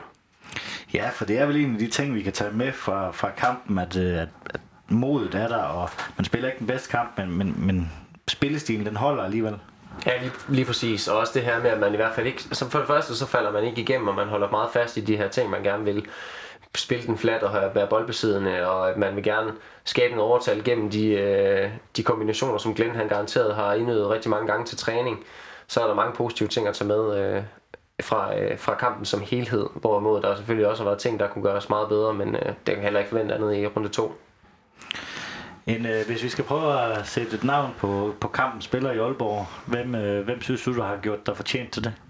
Jamen, jeg synes faktisk, at Rilvan, han leverer en rigtig flot præstation, selvom han, selvom han ikke er en er dydsmønster af, af en taktisk øh, disciplineret spiller, så er han stadig en arbejdshest, og han arbejder både indad i banen og ud af banen, fremad i banen og tilbage i banen. Så det er alle, altså, han arbejder simpelthen alle veje rundt, og det er jo øh, i sådan en kamp der, hvor, hvor jeg ser, at vi taber på løbearbejdet, så er det rart, at vi har en, der alligevel går forrest på, på den front. Øhm, og så er Milic jo også en, en åbenlys øh, kandidat, øh, fordi at vi, vi lukker kun et mål ind i en kamp, hvor OB nok godt kunne have scoret 3-4 stykker. Er det en af de to, du også vil vælge, eller vil du sætte en helt tredje spil? Nej, jeg havde siddet, selv siddet og tænkt på Rilvan Hassan, men nok gået med Sebastian Milic, fordi han redder øh, især den der firedobbelte chance her, har han øh, vigtige hold med i spillet i hvert fald, øh, og redder også øh, fra Sjors og Kure og holder os ind i opgaven. Han kan ikke så gøre så meget ved ved den bold, der kommer over til Thomas Vært, som han så sparker for, øh, op på overlæggeren. Så han var, han var nok et godt bud, men det var nok også mere i mangel af, af endnu bedre ude på banen, hvor sådan en som Rilvan Hassan gør god figur, men vi manglede ligesom den der, der ja, Sønderjyske manglede ligesom den der, der, der, der skinnede helt igennem. Jamen, det kunne godt være, at Van Vært, han også øh, kandideret til en, til en man of the match for os. Det er ikke helt skidt. det var, han kom med i min aftenbøn i hvert fald. Jamen, øh, inden vi går til øh, Lyngby-kampen, som allerede bliver spillet på, på fredag, skal vi så ikke lige have en øh, pibekoncert eller til dig, sådan? Jo, og øh, vi har snakket om den, men, men min pibekoncert, den, øh, den skal gå til, til Case, og det, øh, det, og det er fordi, det, det, er, det er hårdt for mange øh, fans at, at læse sådan noget, især dem, der er passionerede, fordi det, det er, han er allerede blevet en kulturbærer, og derfor så er det så ekstra ærgerligt, at man går ud i pressen øh, og siger sådan noget der. Øh, uagtet hvad der er blevet sagt internt, så er det så ærgerligt, at der kommer sådan en artikel overhovedet om, om jeg ved ikke, hvad han har sagt om det, taget ud af kontekst, men Jyske Vestkysten er jo ikke noget sensationsmedie, øh, så umiddelbart, så, så, så må han jo have sagt noget af det, som, som der også bliver skrevet, og det synes jeg, øh, det synes jeg er ærgerligt og, og øh, øh, uovervejet. Øh, så, øh, så, så det, det, det må han gerne lade være med en anden gang. Ja, fordi øh, øh, altså, det er jo en stor historie, og man, man tænker lidt, øh, altså Case, hvordan han har været øh, i alle sine år i klubben, ikke? er det et eller andet, der er, der er opsat fra, fra Glens side for ligesom at prøve at, at give de unge spillere noget, noget medietæk, eller altså, der er alle mulige konspirationsteorier, ja, ja. der ligesom, fordi det lige er case.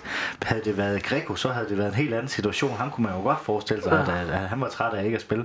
Men case, det er simpelthen så mystisk, og, og Jyske Vestkysten er jo et, øh, er jo et, er jo et, øh, et godt medie og troværdigt medie, så det er, det er jo ikke et sensationsmedie som, øh, som Ekstrabladet. Der, hvis det var Ekstrabladet, der var kommet med historien, så kunne man også godt forestille mig, at de havde taget det meget ud af kontekst. Ikke?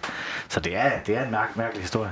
Ja, det er, det er godt nok lidt specielt. Og så min Fenerbahce, den, er, den må bare gå til dem, der tager til Aalborg en søndag og bruger hele sin dag i, i Aalborg. Altså hele dagen i bussen og på stadion. Og, og det får til afsted nu. Øh, nu kan jeg desværre ikke selv komme afsted, men jeg synes, det, det er en fornøjelse at se, øh, hvad er der, 100, 100 120 til, til fodbold på udbanen sektionen i, i Aalborg. Altså, det, det, jeg tror, vi kan tælle det på en halv hånd øh, næsten, hvor mange andre klubber i Danmark, der, der leverer det, øh, som skal rejse så langt. Altså, der er, der er Brøndby og, og, og FCK, og så øh, de nærliggende klubber vel nærmest, der kan, der kan hive folk med til, til Aalborg. Så vi er dem, der ligger Ja, vi ligger vel længst væk, fordi vi ikke kan tage færgen øh, fra Aalborg. Alligevel har vi 120 mand med, det er æderbange med, æderbange med stærkt. Brøndby skal jo heller, Brøndbys fans skal jo heller ikke rejse langt, de bor vel op. Ja, præcis.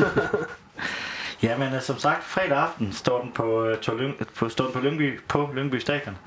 Anden udvalgende kamp i streg. Hvad forventer du dig af den kamp?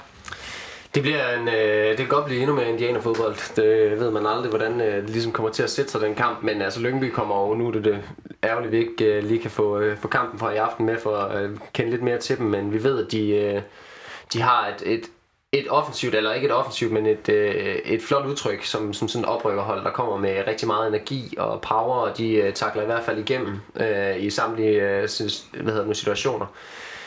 Øh, det kunne godt være sådan en kamp, hvor der øh, falder et, øh, et tidligt mål på, øh, på noget kaos i den ene eller den anden ende, og øh, kontraangrebene kommer til at spille en stor rolle, tror jeg. Fordi det hold, der kommer til at stå, stå længst tilbage, de har øh, nogle hurtige mennesker i omstillingerne, hvor de kan, kan bringe mange folk med. Ja, for vi sidder jo her mandag, klokken den er 16.46 nu, øh, og optager, så vi kender ikke resultatet af, af OB Lyngby nu. De kom øh, dog rigtig, øh, rigtig godt fra start og, og vandt 2-0 over, over OB. Øh, frygter du lidt den kamp her?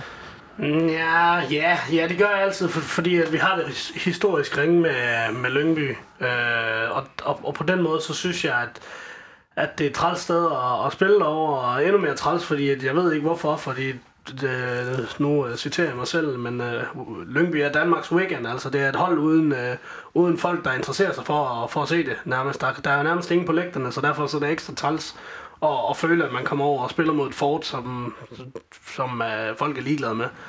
Uh, så, så på den måde, så, øh, så, så frygter jeg det ikke, fordi det, det er selvfølgelig vores... Øh, vi skal være et bedre hold end Lyngby, men på den anden måde, når man ser på alle de gange, vi, vi har været der også, når mig og Rasmus har siddet derovre i minus 4 grader, og skulle se, at man taber 1-0 på et langskudsmål i, i 88. 20. minut, eller hvad det var. Så, altså, det var ikke et sjovt sted. Altså, det, det, men men jeg, kan, jeg har ikke set uh, Lyngbys første kamp mod OB, må jeg nok erkende, så jeg har svært ved at vide, hvilken forfatning de er i, øh, og hvad de egentlig står for.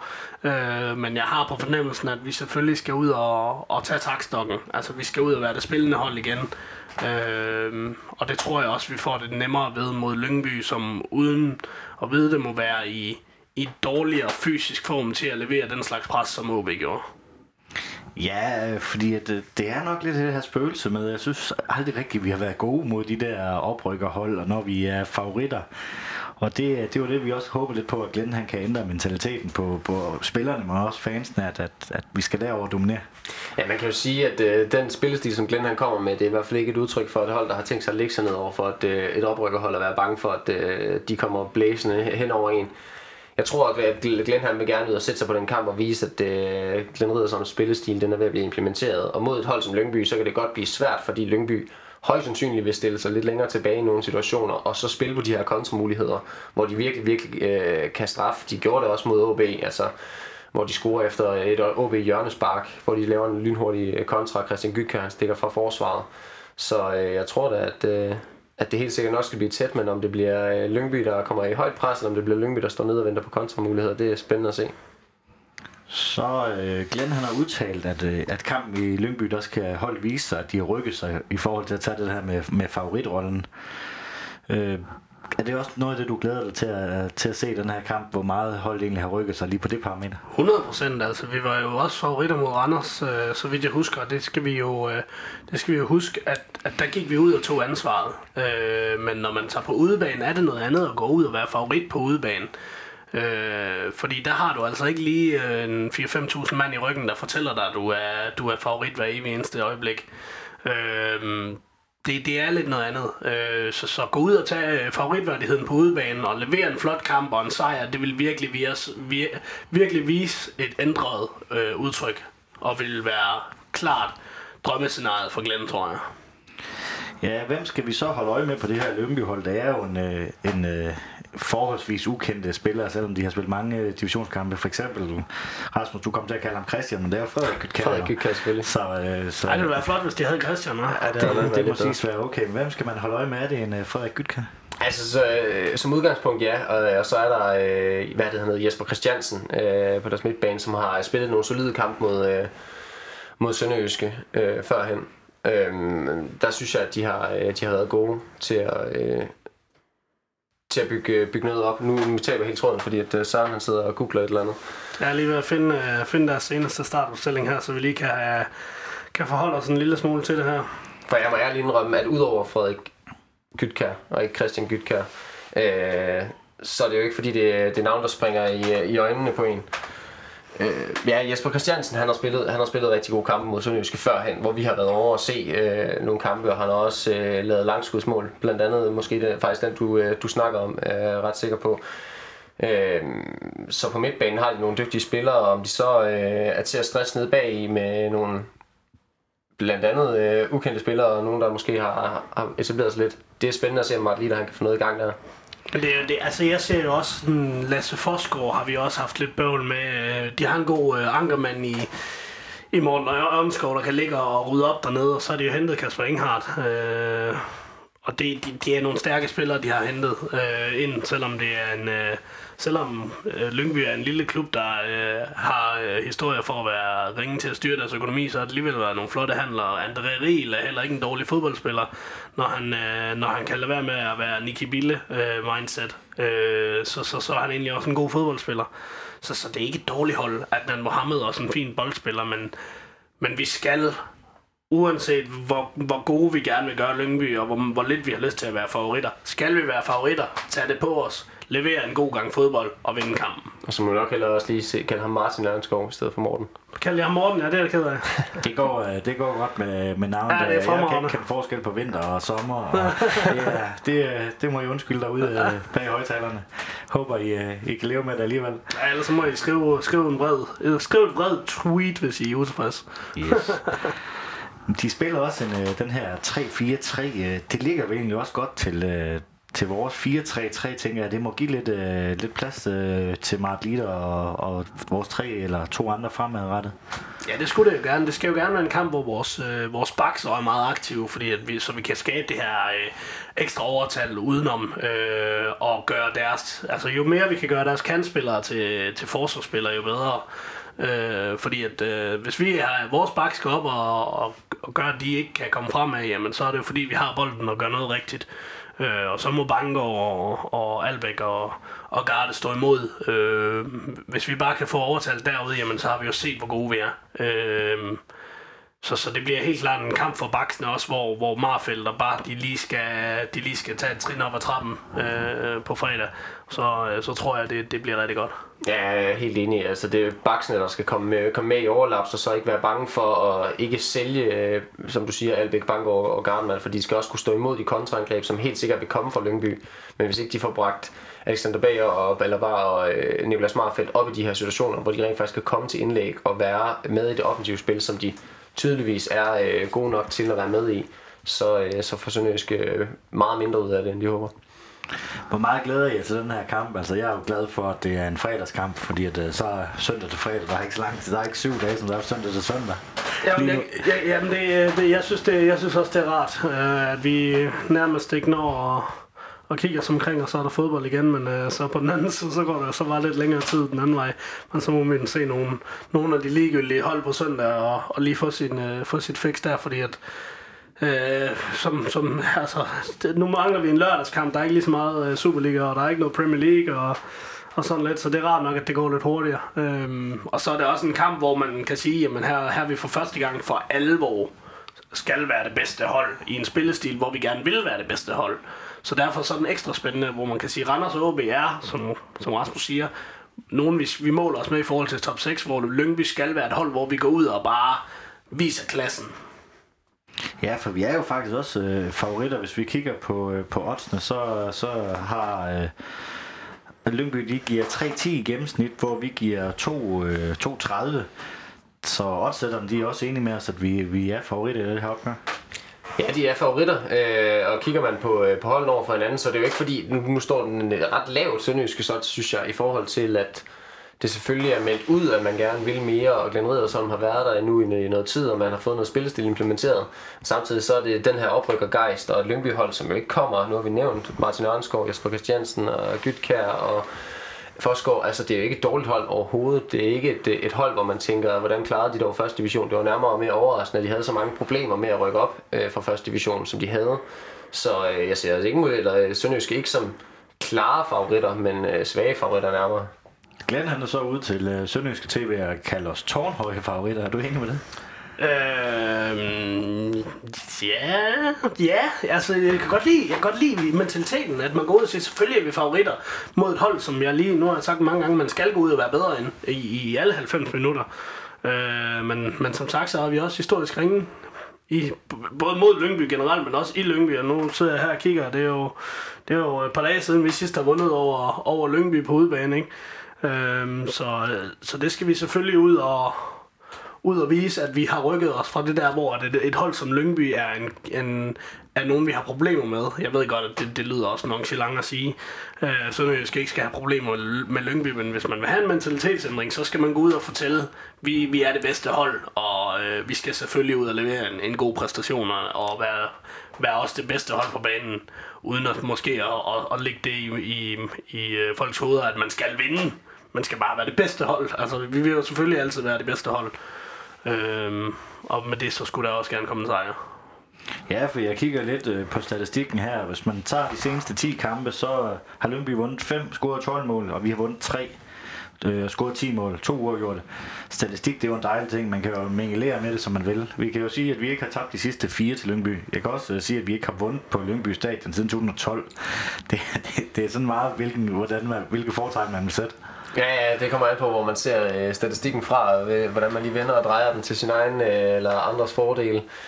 Øh, jeg tror ikke, man kan bruge det som, til så meget, fordi at øh, Lyngby kommer som, som sagt som oprykkerhold, og øh, Glenn Ridersholm har ikke rigtig øh, fået en hel sæson i, i, i Sønderjysk endnu, og spillestilen er ikke rigtig. Der er kommet tre nye ansigter, som alle sammen er med i, i startopstillingen, og, og Lyngby har jo ikke øh, vist andet nu end, en, en kamp mod et forfærdeligt OB-hold, som slet ikke øh, hang sammen. Så jeg ved ikke, øh, hvad, hvor meget man kan bruge statistikken til. Jeg tror, øh, efter, øh, efter fredagens kamp, så er vi blevet øh, klogere på, hvordan øh, begge hold de vil både gribe kampen an, fordi hvis man kommer ud og ser et Lyngby-hold, der bare har stillet sig helt ned, så er de måske øh, tænkt på statistikken som om, at det kan godt være, at vi ikke kan slå Sønderjyske, men så kan de måske hive et enkelt point, hvorimod hvis Sønderjyske ikke går ud og, og sætter sig på den her kamp her, så vil det gå lidt i, øh, imod det, som, som Glenn har været at sige. Jamen, er øh, enig. Øh, vi skal selvfølgelig... Øh, vi skal selvfølgelig også sørge for, at vi, vi bibeholder en, øh, en, en vis ære eller en vis, øh, vis respekt over for, for Lyngby, øh, så vi ikke bare går ud og tænker, at vi moser dem. Øh, fordi hvis vi gør det, og, og så, så er der ingen tvivl om, at så kan Lyngby nok nøjes med deres kontra. Det kunne vi bare se dengang i Vejle, hvor vi taber 4-0. At, øh, at det var, det var nok det der med, at man, øh, vi går ud og tror, nu skal de den ondt, den lyn med tur dem her, og så fik man den ondt, den lyn med selvtur i stedet for. Øh, så, så på den måde, så, øh, så skal vi bibeholde respekten over for Lyngby.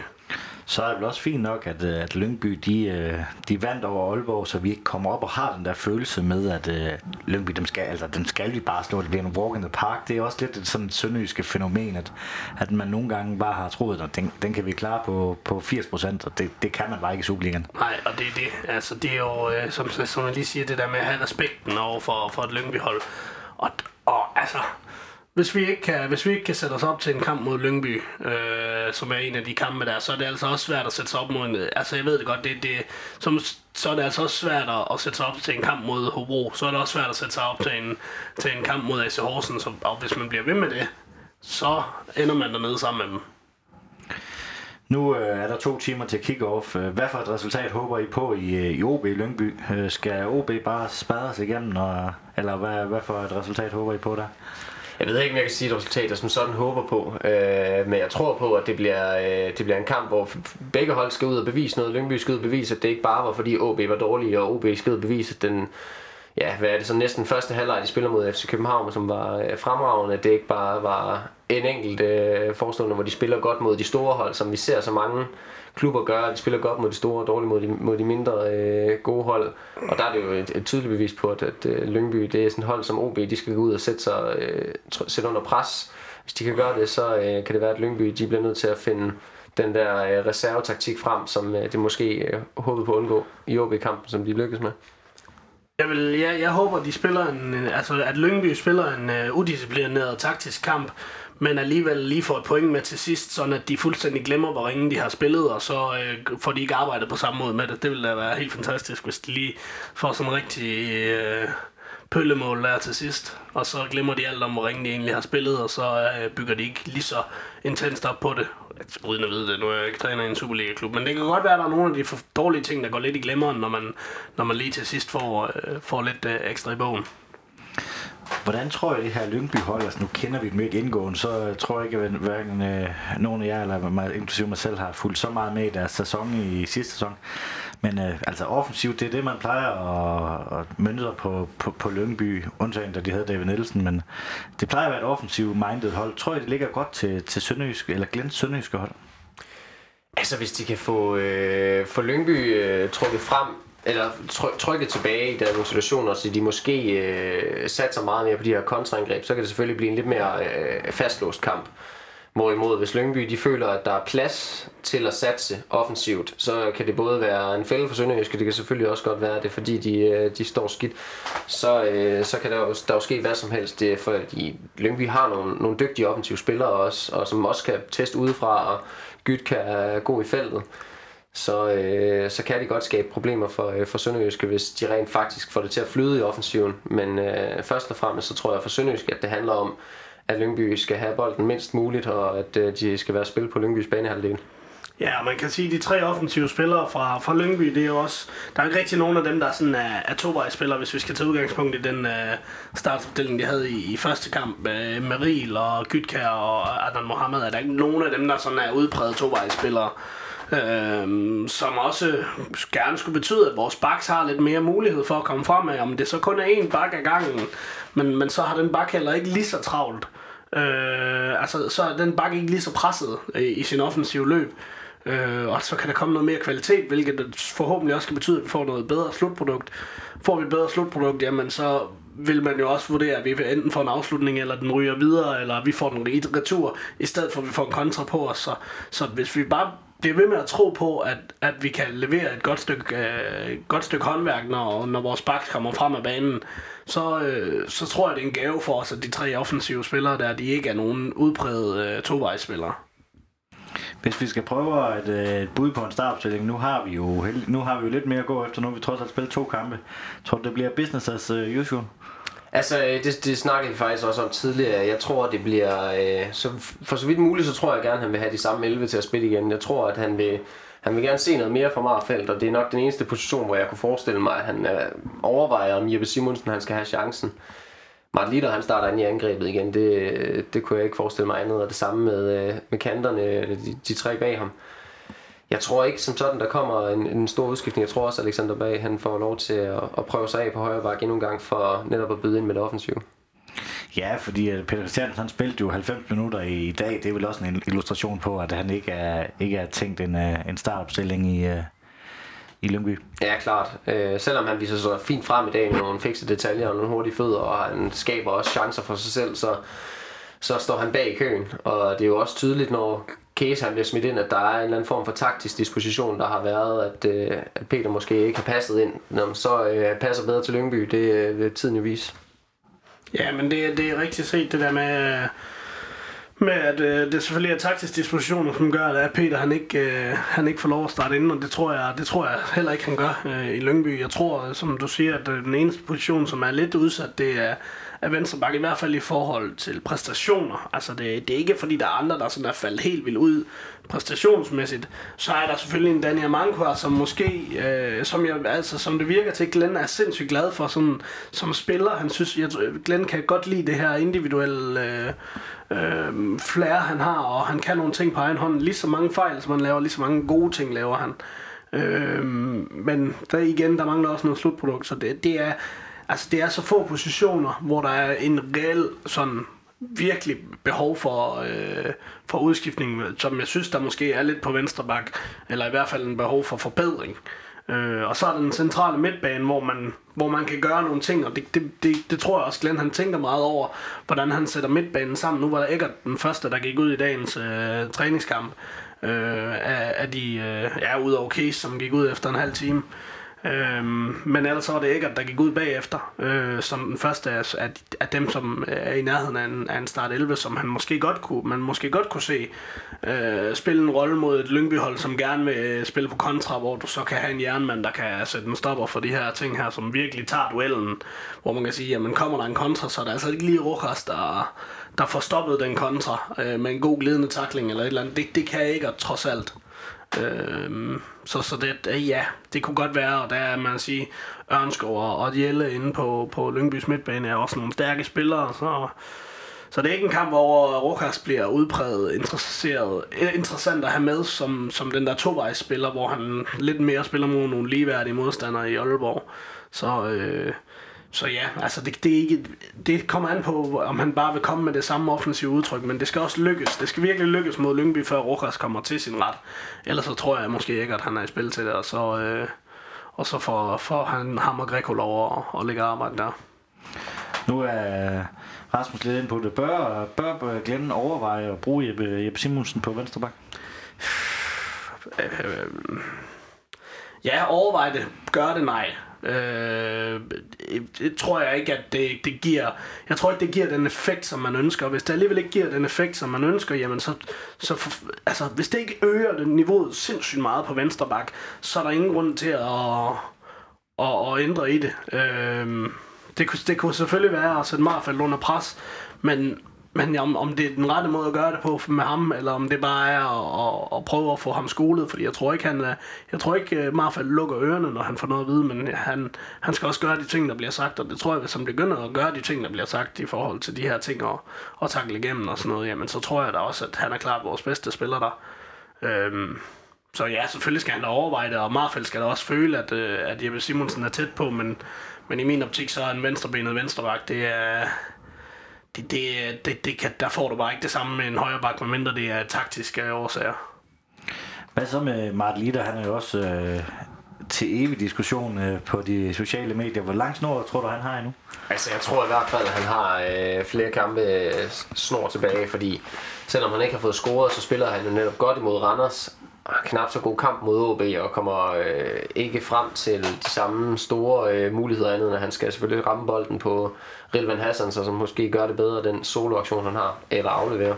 Jeg tror, at Martin han har, øh, han har øh, snor nok til, at selvom han ikke scorer mod Lyngby, så spiller han nok også mod FCK, og spiller han øh, dårligt i begge de to næste kampe, så kan man begynde at snakke om, hvorvidt det er øh, Peter Christiansens tur til at prøve at starte inden, fordi at han byder sig til træningskampen i dag, og Martin har jo ikke været en stjerne, selvom han øh, i de aktioner, han har, har haft gang i. Og når man ikke laver mål som angriber, så er det jo altid et spørgsmål om, hvor længe man skal blive ved. Men, men når, når jeg ser Lider spille, så ser jeg også bare en spiller, der kommer til chancer. Så hvis jeg, jeg er nødt til at sammenligne ham lidt med Ure, som, og Ure han var sjældent særlig udskilt. Det var, altså, der var nogen, der var lidt på nakken af ham at sige, at han lavede for få mål. Men, men øh, leader skaber meget, meget, meget, og øh, med et meget mere øh, spil og mange flere muligheder og foran. Øh, så, så, så nej, jeg, jeg, jeg tror også, han har lang snor, øh, og det, det synes jeg også, han burde have. Øh, der er to situationer i, i Aalborg, hvor han, som Rasmus nævner, de to situationer, hvor han skal gøre det bedre, ellers så gør han det jo egentlig fint nok i de situationer, han får. Øh, og hvor man hvor jeg måske har godt kunne se Peter i en enkelt eller to andre af de mindre øh, åbenlyse situationer øh, komme til muligheden, øh, fordi han er lidt hurtigere på, på fusserne, så, så tror jeg stadig, at Lider han vil komme frem til væsentligt mere over, over 90 minutter. Men vi, altså en angriber skal jo score mål, og vi bliver vel egentlig nødt til at have den her diskussion, øh, så længe at vi har en angriber, der ikke scorer mål, lige meget hvor, hvor godt han egentlig gør det ud over det. Ja, ja, bestemt. Mark Litter, han øh, er en selvsikker øh, fyr, der tror på egne evner, og selvom han ikke laver mål, så, øh, så er der nogle løb, han tager, som er, som er gode for holdet og bevæger sig og skaber nogle frirum til de medspillerne. Men samtidig så, øh, så ser man også i Aalborg-kampen, at han er dårlig til at slippe bolden, når han får muligheden i offensiven. Han har en mulighed i første halvleg for at lægge den ud til Greco, hvor han forsøger at gå mod mål selv, og nogenlunde samme situation i anden halvleg, hvor han også sparker den over. Så Marlitter øh, skal i hvert fald hakke op i sig selv, ikke nødvendigvis kun på scoring, men øh, generelt i den, det spil, han har med holdet, fordi han kommer også slet ikke frem til noget til sidst, efter, vi har, eller efter at Sønderjysk har sendt case på banen i, i anden halvleg. Men det er også meget sigende, at, at vores tre målscorer, det er, det er de tre centrale midtbanespillere, der har scoret målene.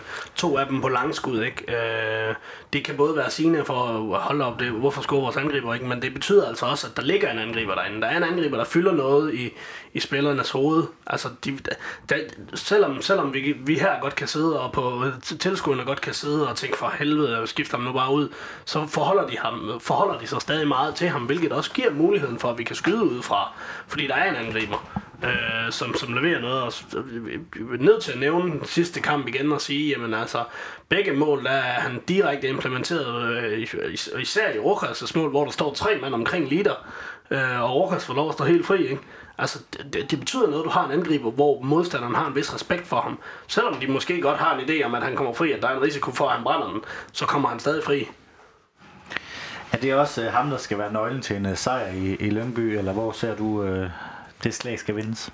Altså man kan sige, at Martin har selvfølgelig altid en vigtig rolle som angriber i og med, at der skal scores nogle mål, og man øh, på Sønderjyskets vegne kan håbe, at der, øh, der kommer hul på den by før øh, bedre sent end aldrig. Ikke? Øh, men jeg tror nærmere, at det er, øh, det er de to backs nu, øh, eksempelvis nævner, at Marfeldt han har været skidt kørende, hvis han kan komme ud til, til kampen mod Lyngby og vise sig frem, komme godt med over bakken, så, øh, så vil det skabe nogle overtalssituationer, hvor jeg tror, at, at i offensiven, så er det vigtigt at få, for Glenn at få, få bragt dem med i spillet, og få, øh, få skabt noget overtal over, over kanterne. Alexander, Alexander Bak kommer også til at, at spille en stor rolle.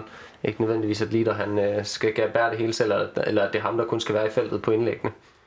Hvem tror du, der, der skal være nøglen til at ligge, ligge det her Lyngby hold op? Jamen, jeg sagde det jo, jeg sagde det jo lidt før også, og nu siger Rasmus det også, men det er baksene. Øh, og så, øh, så, så må folk lige spole lidt tilbage, hvis de sagde, vil høre, hvad jeg sagde om baksene. Jeg tænker, jeg tænker, det er baksene. Et bud på kampens resultat. Der har jo ikke været så mange scoringer i, øh, i, i Sønderjyske Lyngby de sidste par gange. Det har været 1-1 og 1-0. Øh, hvis du skal komme med et bud på kampens resultat.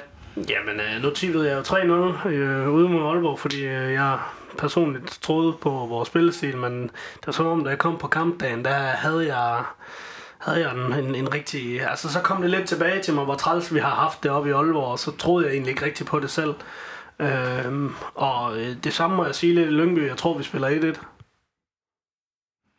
1-1 for, for jubeloptimisten, det er, Ja. det er, det er sjældent set. Men det, jeg tror også, jeg prøver lige at omvende jinx lidt eller andet. Jeg prøver lige noget nyt her, ikke? Altså, men altså, et af det, det er min, det er min uh, defensive udmelding, fordi man ved, at øh, Lyngby rimer på tilfældigheder mod Sønderjyske. Uh, så, så der skal bare ikke ret meget til. Uh, men hvis jeg skal komme med et, et, et, et løsning på, at hvordan, vi skal, hvordan vi skal undgå, at det bliver 1-1, så skal vi jo ud og være det spilstyrende hold. Hvis ikke vi bliver det spilstyrende hold øh, fra start til slut, jamen så, så tror jeg heller ikke, vi får mere end et enkelt point med. Hvis du skal komme med et uh, bud. Altså, øh, jeg tror, jeg lidt der tilslutter mig det. Jeg har siddet også og tænkt 1-1 eller 2-2, øh, hvis der skulle komme noget målrigt. Øh, jeg, jeg kan sådan set se begge hold tage en smal 1-0 sejr, men hvordan det lige skal ske, det kommer øh, meget an på øh, kampens forløb, og hvordan man begge holdene lige, lige kommer i gang. Hvis jeg komme med et hurtigt tip, så tror jeg godt, der kunne komme fire mål, så 2-2. Ja, jeg håber jo lidt på en, på en sejr den her kamp. Det gør jeg jo altid, men uh, kunne ikke forestille en sejr, og så har vi uh, FCK næste gang. Et, uh, så bliver det faktisk en topkamp. Uh, Ja, det vil være en fornøjelse. så kunne vi måske komme, uh, komme over de der 5-6, måske egentlig op 7.000, hvis, uh, hvis vejret det er rigtig godt. Det kunne i hvert fald være lækkert. Og det er også, det er også i sådan en kamp, altså hvis vi nu vinder i Lyngby, og så skal spille hjemme mod FCK, og der, hvis vi vinder i Lyngby, så ligger vi i to eller treer, øh, er mit bud. Øh, og så, så kan man må, måske begynde at sige, at, at hvis vi så også kan bide skære med FC København i en situation, hvor vi kan lægge pres på dem, øh, hvor hvis, vi, hvis vi som klub kan i, i en sådan situation, hvor vores spillere først lige har sat sig op til en kamp mod et oprykkerhold, og vundet den med godt spil, og nu, nu tænker jeg, nu smider jeg, kigger jeg lige i glaskuglen her. Hvis vi gør det, så har vi en hel uge, hvor vi kan begynde at forberede os mod et hold, som vi, altså hvor, hvor, øh, hvor favoritværdigheden er fuldstændig vendt, og vi skal ud og tage, tage teten øh, for, for vores egen skæbne, øh, og ud og, og levere et godt stykke håndværk mod FC København også. Øh, så kan man sige, jamen så begynder der for alvor at være en, en åbenlys og tydelig kulturændring, som betyder noget for spillet også.